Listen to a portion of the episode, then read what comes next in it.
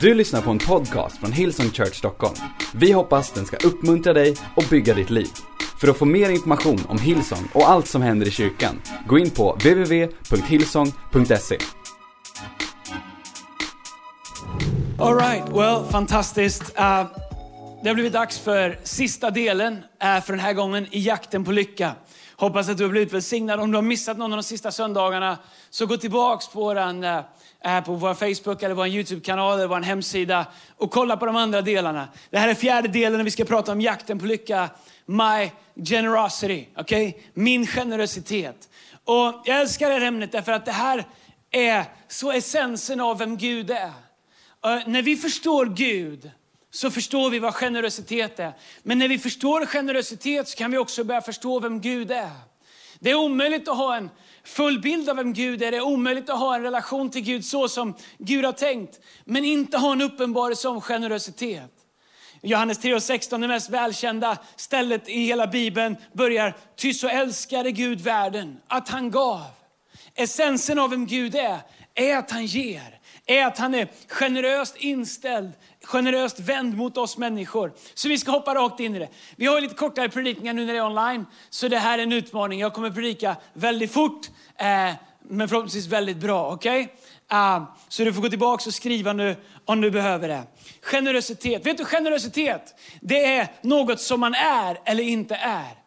Så ofta tänker vi att generositet är spontana handlingar, vilket det i och för sig kan vara. Vi tänker jag är med och hjälper lite där, jag är med på någon faddergala där, jag är med på Musikhjälpen här, jag lägger lite pengar i någon som sitter utanför ICA och samlar pengar där. Och generösa handlingar är bra, men i grunden så är generositet inte någonting som man gör, utan någonting som man är. Och när vi förstår att Gud vill att vi ska vara generösa, så kommer vi också förstå hur Gud är. Om man är generös så ser man inte bara det i spontana, sporadiska handlingar. Det syns genom hela livet. Det präglar vår människosyn. Det präglar hur vi ser andra människor. Det handlar om hur vi tänker om människor. Paulus säger, det som är sant, rätt, rent och upphöjt, tänk på det. Det som är nobelt, tänk på de sakerna. En generös syn präglar, är som ett filter som präglar allt vi ser och allt vi gör. I Ordspråksboken kapitel 11, vers 23 så står det så här, översatt från det message till svenska. Önskningar från goda människor leder rakt till det allra bästa. Men elaka ambitioner slutar med frustration och ilska. Det generösas värld blir större och större, men de snålas värld blir mindre och mindre. Den som välsignar andra blir rikligt välsignad. De som hjälper andra blir själva hjälpta. Jag älskar det bibelordet, det är ett av mina absoluta favoriter. Därför att det säger att den generöses värld blir större och större. Vi tänker alltid när, när liksom någonting ska bli bättre, att det alltid är mer och mer. Men vet du, den generöses värld kommer alltid att växa vad det gäller vänner, relationer, människor som du har i ditt liv. Den snåles värld kommer bara krympa och krympa och krympa. Det är som att ju hårdare vi håller i det vi har, ju mindre blir det. Men generositet, det handlar så mycket om vad vi ser och hur vi ser saker, människor, ting, Gud, kyrka, allting. Ordspråksboken kapitel 22, vers 9. I den engelska översättningen så står det He who has a generous eye will be blessed. Han, den som har ett generöst öga kommer bli välsignad. Har du ett generöst öga? När du tittar på saker och ting, Ser du det bästa möjliga eller ser du det sämsta möjliga? När du tänker på andra människor, tänker du det bästa om dem? När du kommer i nya miljöer, förväntar du dig det bästa eller det sämsta? När du ser någon göra fel, är ditt go-to, ja det visste jag ju, så är han alltid, så, sådana är människor alltid. Eller har du ett generöst öga när du ser på din omgivning? För Bibeln säger att den som har ett generöst öga kommer bli välsignad.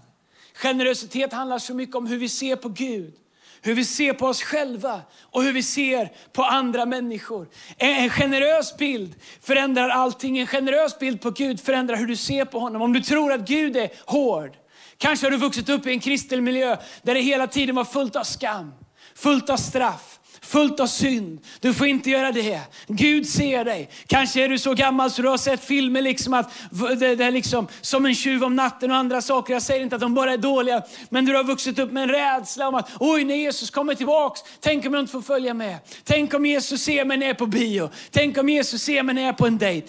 Och du lever liksom med en rädsla av att om Gud skulle se dig så skulle han vara arg på dig. Men du förstår, om det är din bild av vem Gud är, någon som är arg på dig, någon som letar efter att straffa dig, någon som vill fånga dig och göra fel. Då kommer du inte ha en generös bild av Gud, för du tror att han bara är arg på dig. Du tror att han bara kommer näpsa dig så fort du gör något fel. Som att vi skulle vara bättre föräldrar än vad Gud är. Bibeln säger att Gud är en god far. Som att vi skulle behandla våra barn så. Ändå så tänker vi ibland att Gud skulle behandla oss på det sättet. Eller är din bild av Gud att han är en generös Gud, att han är full av nåd, att han blir glad när han ser dig, att han blir glad när han tänker på dig. Att, att det är som Bibeln säger, hans tankar för sitt folk, hans tankar för dig är goda tankar. Han säger, jag vet vilka tankar jag har för er. Tankar om frid, tankar om hopp, tankar om framtid. Du förstår, det sätt som du ser på Gud kommer definiera vem du tror att Gud är. Och så som du tror att Gud är, det kommer definiera hur du tror att du ska vara. Första Johannes kapitel 4, vers 18. Hoppas ni hänger med. Vi kör en hel liksom, evening college-serie på fem veckor här nu på 20 minuter. Första Johannes kapitel 4 står det så här, vers 18. Rädsla finns inte i kärleken, utan den fullkomliga kärleken driver ut rädslan. Så kärlek driver ut rädsla. Om du känner Gud, då känner du kärleken. Om du känner kärleken så behöver du aldrig känna rädsla. Rädslan höjs samman med straff. Och den som är rädd är inte fullkomnad i kärleken. Vi älskar därför att han först har älskat oss. Så vår generösa syn på människor och på livet kommer ifrån att vi förstår att Gud har en generös syn på mig. Gud har en generös syn på dig. Du kommer aldrig förstå kraften i generositet förrän du förstår hur god Gud är. En uppenbarelse om Guds godhet är det som kommer få dig att förstå hur generös Gud är. Och får oss att vilja leva på samma sätt. Och det är det som är vårt uppdrag som kyrka. Vårt uppdrag är inte att kritisera det och protestera mot det och vara emot det. Nej, vårt uppdrag är att visa världen kärlek. Genom att visa världen generositet. Bibeln säger om Jesus att inte ens när de spikar fast honom på korset öppnade han sin mun för att kritisera dem, för att döma dem. Utan tvärtom så säger han, Fader förlåt dem för de här vet inte vad de gör. Gud, var inte arg på de här soldaterna som spikar fast mig. Det är bara en del av planen. Det är inte deras fel. Så Jesus i sin egen död visar generositet gentemot två soldater som spikar honom på korset. Lite senare, några, några minuter senare så visar han generositet mot två kriminella rövare som hänger bredvid honom på korset. I sin värsta stund. Du förstår, när man blir som mest pressad, det är då man ser vad som verkligen finns på insidan. När du har blivit pressad till max och du liksom bara burst out. Det är då man ser vad som finns på insidan. I Jesu värsta stund så ber han Fadern förlåta dem som spikar upp honom. Och så säger han till en annan, redan idag ska du vara med mig i paradiset. Gud är generös. Därför är det vår kallelse att vara generösa och det som är vårt uppdrag. Det är därför vi är här, för att visa den här världen ett annat sätt att leva. Ett annat sätt att älska, ett annat sätt att bry sig, ett annat sätt att se på det vi har. I Efesierbrevet 1 och 23 så står det, kyrkan är Kristi kropp genom vilken han talar och agerar och genom vilken han fyller allting med sin närvaro. Så vi är Guds plan för att människor ska få uppleva Jesu villkorslösa kärlek. För att det ska finnas sammanhang, att det ska finnas generösa handlingar, att det ska finnas miljöer där den här kärleken och omsorgen som Jesus visar soldaterna, att den ska gå ta på, att den ska vara på riktigt. Förstår Paulus, förstår Jakob, han säger i Jakob kapitel 2, vers 14, mina bröder, vad hjälper det om någon säger sig ha tro men saknar gärningar? Kan väl en sån tro frälsa någon? Om en broder eller syster inte har kläder och saknar mat för dagen, och någon av er säger till dem, gå i frid och klä er varmt och ät i mätta, men inte ger dem vad kroppen behöver. Vad hjälper det? Så är också tron i sig själv död när den är utan gärningar. Du förstår, Gud har kallat oss till att göra någonting som kyrka. En generös kyrka med resurser eh, för att göra det Gud har kallat oss till kan göra det som Gud har kallat oss till. Du förstår, vi kan be Gud göra många saker. Det finns så mycket vi kan be Gud om och det är underbart. Vi kan be Gud om helande, vi kan be Gud om vishet, vi kan be Gud om så många saker. Och vi som kyrka, vi kan be Gud om allt möjligt. Men vet du vad vi inte kan be Gud om? Det Gud har kallat oss till att göra. Men ibland så tänker vi att vi är andliga när vi ber Gud göra saker. Och jag tänker Gud han sitter upp och säger, men har ni inte fattat någonting? Det är ju det ni ska göra. Det är min plan är att det där ska ni göra. Ni ska förstå generositet. Ni ska öppna era världar för andra människor. Ni ska öppna era hem. Ni ska öppna era soffor när det inte är pandemi. Ni ska öppna era hjärtan. Ni ska öppna era resurser för andra människor. Men så ofta så vill vi be Gud göra det Gud har kallat oss till att göra. Men en kyrka full av generositet leder till en kyrka full av resurser. En kyrka full av resurser leder till en kyrka som kan göra det Gud har kallat oss till att göra.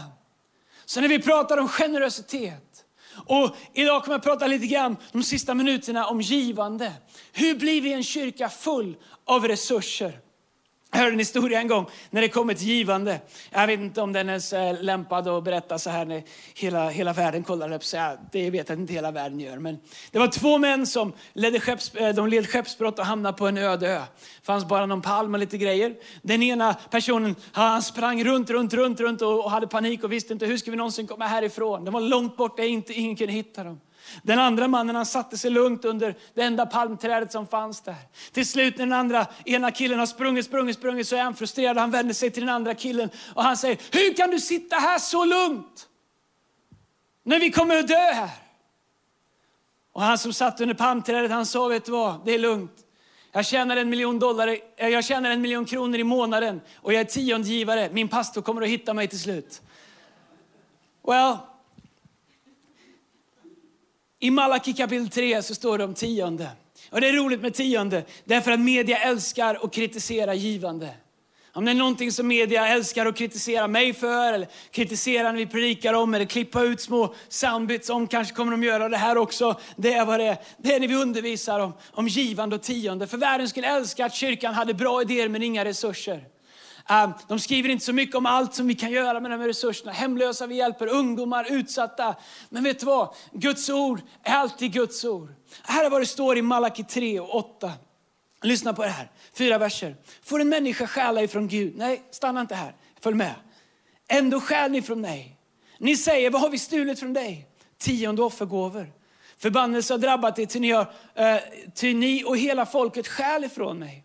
För in allt tionde i förrådshuset så att det finns mat i mitt hus. Pröva mig nu detta, säger Herren Sebot, om jag inte kommer att öppna för er himmelens fönster och låta välsignelse strömma ut över er i rikt mått. Och för er skull ska jag näpsa gräshopporna så att de inte fördärvar frukten på marken. Inte heller ska vinstocken på fältet bli utan frukt, säger Herren. Och alla folk ska prisa er lyckliga, till ni ska vara ett ljuvligt land, säger Herren Sebo. Så när man läser det här bibelordet kan man hänga upp sig på de första verserna och där Bibeln säger att vi inte får stjäla ifrån Gud genom att inte ge tionde. Men du förstår, du måste läsa de sista två verserna som är fyllda av Guds löften om att Gud ska välsigna oss. Om att det här inte handlar om någonting som Gud vill ta utan det här handlar om någonting som Gud vill ge. Någonting som Gud vill göra. Tiondet bottnar i att vi tror på Guds ord. Om du inte tror på Gud, inte tror på Guds ord, så är det ingenting för dig. Men om du tror på Guds ord, då är det min bön att du skulle upptäcka det här. Det är absolut inget krav i våran kyrka att vara tiondegivare för att vara med i vår kyrka. Det finns inget krav på det. Så om ni klipper ut någonting, klipp ut det här också. Men det går heller inte att förvänta sig Guds välsignelse och fullheten av Guds förbund om vi inte vill leva i det som Gud har satt upp åt oss. Fyra snabba saker som jag ser i den här texten. Det första ifrån Malaki 3 i den här texten är, vi kan inte ge någonting som inte är vårt. Malaki säger, för in fullt tionde. Du vet, ibland när man kämpar med att ge någonting så gör man det därför att man tänker på vad man skulle kunna göra med det istället. Men om jag tänker på vad jag skulle kunna göra med det istället så utgår jag ifrån att det är mitt. Faktum är att när vi lämnar oss till Gud så, så tillhör allt vi har Gud. Men vet du vad som är ännu bättre? Allt Gud har tillhör oss. Så det är en ganska bra del. Jag har inte mycket att komma med. Gud har allting att komma med. Och det Gud vill är att vi ska leva i förbund med honom. Och när han säger för in de första 10 procenten av det du tjänar i mitt hus. I, inte till ministries eller inte bara till liksom bra idéer utan till den lokala församlingen. Så att det finns resurser där. Så att kyrkan kan vara det här ljuset som Gud har kallat det till att vara. Det vi läste att kyrkan är Kristi kropp genom vilken han talar, agerar och fyller allting med sin närvaro. Men en sak som har hjälpt mig, jag hörde en berättelse för länge och jag har berättat det här flera gånger innan. Men om jag skulle låta vad ska vi säga, Tobias Gard låna min bil. All right? Och sen så en vecka när jag kommer hem igen och behöver bilen så sitter Tobias och funderar på, jag funderar på om jag ska ge den här bilen till Andreas. Jag bara säger, vad är det med dig? Det är min bil. Här, du fick låna den. Men om Tobbe säger, jag funderar på om jag ska ge den här till Andreas. Eller om jag ska ha kvar den. Du förstår, Tobbe har två val. Antingen lämnar han tillbaks bilen, eller så stjäl han bilen. Utan det är samma sak med våra tionde. Antingen ger vi det till Gud, men det är inte ens vi som ger det, för det tillhör inte oss. Vi lämnar det till Gud, vi för in det i Guds hus. Eller så behåller vi det för oss själva. Men grejen är, med det som vi ger till Gud i tro, det gör att de andra 90 procenten som är kvar, Gud välsignar det på ett sätt som vi kommer till, som aldrig skulle kunna skina. Kom ihåg det här, Gud han äger allt i hela världen. Bibeln säger att han har gator och guld. Han är aldrig ute efter att ta någonting ifrån oss. Han är alltid ute efter att ge saker till oss. Men han är alltid ute efter att vi ska lita på honom mer än lita på saker som vi har. Jag har hellre ingenting att lita på Gud än ha jättemycket att lita på det jag har. Därför att min Gud han är så mycket större. Och Bibeln säger att He will supply all our needs according to His riches in glory. Att Gud kommer ge oss allt vad vi behöver när vi litar på honom. Tionde principen bottnar i en uppenbarelse av att vi förstår att allt vi har ytterst sett kommer ifrån Gud och tillhör honom. Det andra i den här texten är att tiondet är Guds plan för att kyrkan ska kunna göra det Gud har sagt att vi ska göra. Vers 10 sa, för in, för in all tionde i förrådshuset så att det finns mat i mitt hus. Och det här är när kyrkan blir väldigt praktisk för mig. Vi pratar med påsken om att vi ska ge hundratals människor lunch, hemlösa människor. Bra lunch. Vi pratar om stadsdelar vi ska städa, om skillnader vi ska göra. Vi reser upp unga generationer. Vi drömmer om att bygga ungdomscenter. Vi drömmer om att göra saker. Men, jag har en sak som jag har gått och tänkt på. Tänk om vi någon gång kunde bygga ett stort seniorboende fullt av, av liksom fantastiskt frälsta människor, bedjare som har umgänge och som ber för nästa generation. Det finns otroligt mycket vi som kyrka. Det finns så mycket behov i samhället som Gud har kallat oss till att, till att, till att göra en skillnad i. Men du förstår, kyrkan tycker att det, vi tycker att det är kanon att be för de här sakerna. Men Gud, han är mycket mer intresserad om vi, han är mycket mer mån om vi är intresserade att ge till de här sakerna. Gud säger att kyrkan är världens hopp eftersom kyrkan är Kristi kropp. Om kyrkan inte har resurser, då har Gud inget uttryck i samhället. Om vi inte gillar det vi ser, då måste vi göra någonting åt det. Och Guds plan är hans kropp, den lokala församlingen. Därför så vill Gud att det ska finnas resurser till det som Gud vill att vi ska göra. Om kyrkan inte gjorde det den gjorde runt om i världen, då skulle världen kollapsa. En sak kan jag säga med den här pandemitiden. Eh, mycket har vi lärt oss, men en sak som jag har upptäckt, det är att samhället förstår överhuvudtaget inte vilken samhällsbärande funktion de lokala församlingarna är. Det pratas knappt om det, det skickas inga medel till dem. Du förstår, om du är en idrottsförening på elitnivå, då har du fått massor med resurser. Vi har inte fått det. Men vet du vad? Gud har aldrig tänkt att det ska vara eh, världens jobb att finansiera det Gud vill göra. Gud har alltid tänkt att det ska vara hans folks jobb att se till att det finns resurser. Så vi har aldrig gnällt. Men jag vet en sak, om vi inte gör det vi gör, då kommer människor falla genom skyddsnät, då kommer människor bli drabbade. Unga generationer kommer gå förlorade. Och vi kommer inte stå med mössan i hand och äska något litet bidrag här och där. När vi har en hel kropp, en hel armé av människor som har en uppenbarelse om Guds godhet. Som har blivit frälsta, som har förstått det nya förbundet i Kristus. Som förstår att Gud har gett mig nåd att göra det jag gör med mina händers verk. Så att jag kan vara med och bygga Guds rike och skapa förvandling i vårt samhälle och i människors liv runt om. Det tredje jag ser i den här texten är att tiondet öppnar himmelens fönster över givare. Jag älskar det här med tiondet. Ingenstans finns det krav. Om du upplever en kravbild runt det här, om du säger det är för hårt, det är för trångt, varför måste man? Det, då har du inte förstått Gud. Gud vill öppna ett fönster så att han kan välsigna dig. Han ber oss göra något litet för att öppna ett litet fönster så att han kan trycka ner himmelens välsignelse. Han säger så här, jag kommer öppna över er himmelens fönster och låta himmelens välsignelse strömma ut över er i rikt mått. Gud vill välsigna dig. Gud vill att du ska ha det du behöver. Gud vill att ditt liv ska blomstra. Gud vill hjälpa dig. Och vi går igenom tuffa säsonger och olika säsonger. Men Gud har en plan genom det hela tiden. Om han får vara först i våra liv. Tiondet köper inte Guds välsignelse. Men det visar ditt förtroende för Gud och positionerar dig på en plats där han kan välsigna dig. När jag ger tionde så lovar Gud att det är hans ansvar. Att jag har vad jag behöver. Han säger, se på fåglarna, hur Gud ger dem mat. Se på blommorna, de klär inte sig själva utan Gud klär dem. Och säger han om, om Gud ger sån omsorg till blommor och fåglar, hur mycket mer skulle han inte göra över oss? Du förstår, när jag gör det Gud har kallat mig till att göra, då kan jag lita på att Gud tar hand om mig, att Gud har en plan i mitt liv. Och jag, jag vet att det är kort om tid, jag, min tid är ute och jag har skippat massa grejer, men jag skulle vilja att du förstår att Gud vill att ditt liv ska vara välsignat. Gud vill välsigna dig på livets alla områden. Och när vi tänker givande så tänker vi om jag ger hundra får jag tillbaka tusen då är det tiofalt. Du förstår, Gud är mycket större än så. Gud vill välsigna dig inifrån och ut. Dina händers verk, din familj, dina barn, dina föräldrar, dina drömmar. Gud vill att du ska leva välsignad. Men Gud vill att vi ska leva i förtroende med honom. Att vi ska vara planterade i ett hus där det finns resurser för Guds rike och breda ut sig och göra skillnad. Det fjärde och det sista är, Gud vill välsigna dig så att människor ser hans godhet. Kolla här. Det står eh, i vers 11 eller 12, inte heller ska vinstocken på fältet bli utan frukt, säger Herren. Så står det, och alla folk ska prisa er lyckliga, ty ni ska vara ett ljuvligt land, säger Herren Sebaot. Vet du, Gud vill att kyrkan ska vara en plats där Gud är så stor att människor inte kan blunda för. Ett ljuvligt land. Men Gud vill att ditt liv ska vara välsignat på livets alla områden. Att Gud vill hålla sin hand och hålla sitt förbund med dig.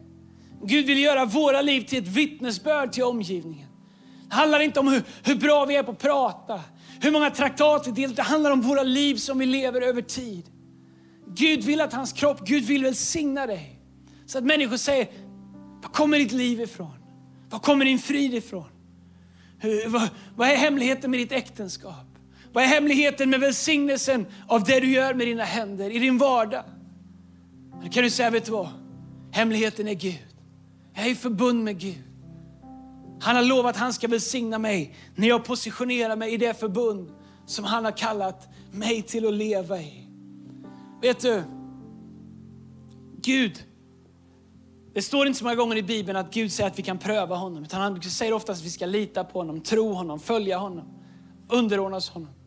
Men vet när det kommer till givandet så är det kanske den enda gången, eller möjligtvis en av två gånger, som Gud säger, hej, pröva mig. Sätt mig på prov. Han säger, pröva mig på det här. Så ska ni få se om jag inte öppnar himmelens fönster över er. Kanske har du aldrig förstått kraften i tiondegivandet.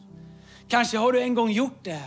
Men du har låtit andra saker bli viktigare och uppta det som tidigare var det du gav in i din lokala församling. Lyssna, kom ihåg var vi började. Det finns ingen fördömelse för den som är i Kristus. Givande är inte kopplat till skam. Det är inte kopplat till fördömelse. Det är kopplat till vision. Det är kopplat till uppenbarelse. Det är kopplat till generositet. Det är kopplat till Guds godhet. Det är kopplat till vårt uppdrag. Det är kopplat till din välsignelse. Så Bibeln säger att vi kan pröva Gud i det här. Min bön är att du skulle pröva Gud. Om du aldrig har gjort det tidigare, bestäm dig. Jag ska, ge, jag ska föra in, inte ge, för allt vi har till är Gud när vi är kristna. Jag ska föra in 10% av det jag tjänar till Gud. Och göra det i tre månader. Och så ska jag se om Gud välsignar mig. Vet du vad Gud säger att du kan pröva honom? Du säger Andreas, jag har inte tro för 10% Börja med 5% Börja med vad du vill. Börja någonstans. Men jag lovar dig, om du gör det här tre, fyra månader, fem, sex månader, du kommer bli välsignad. Men vet du mer? Du kommer också vara en del av en kyrka som kan vara till större välsignelse än vad vi någonsin har kunnat vara tidigare. Där vi blir en bricka i något stort som Gud vill göra. Där Bibeln säger att vi är alla delar, lemmar av samma kropp. Ingen är obetydlig, ingen spelar inte roll. Alla är värdefulla. Och Bibeln säger att när vi ger så bedöms vi inte utifrån vad vi inte har utan utifrån vad vi har. Det som kan verka litet i mitt hand när jag ger det jämfört med vad jag kanske tror att andra gör. Det är helt oväsentligt. Det är vad jag har och vad jag gör och mitt förbund med Gud. Jag ska be en bön, jag ska sjunga en sång. Jag vill utmana er i det här. Du som har tappat bort det här, eller du som aldrig har provat det här, eller du som har levt i det här. Upptäck Guds välsignelse, upptäck hans godhet, upptäck hans generositet. Upptäck det uppdrag som du är positionerad i, som vi tillsammans bär och det ansvar som Gud har lagt på oss att vara ljus och salt i den här världen. Du har lyssnat till en podcast från Hillsong Church Stockholm. Om du vill veta mer om vår kyrka eller om våra söndagsmöten, surfa in på www.hillsong.se.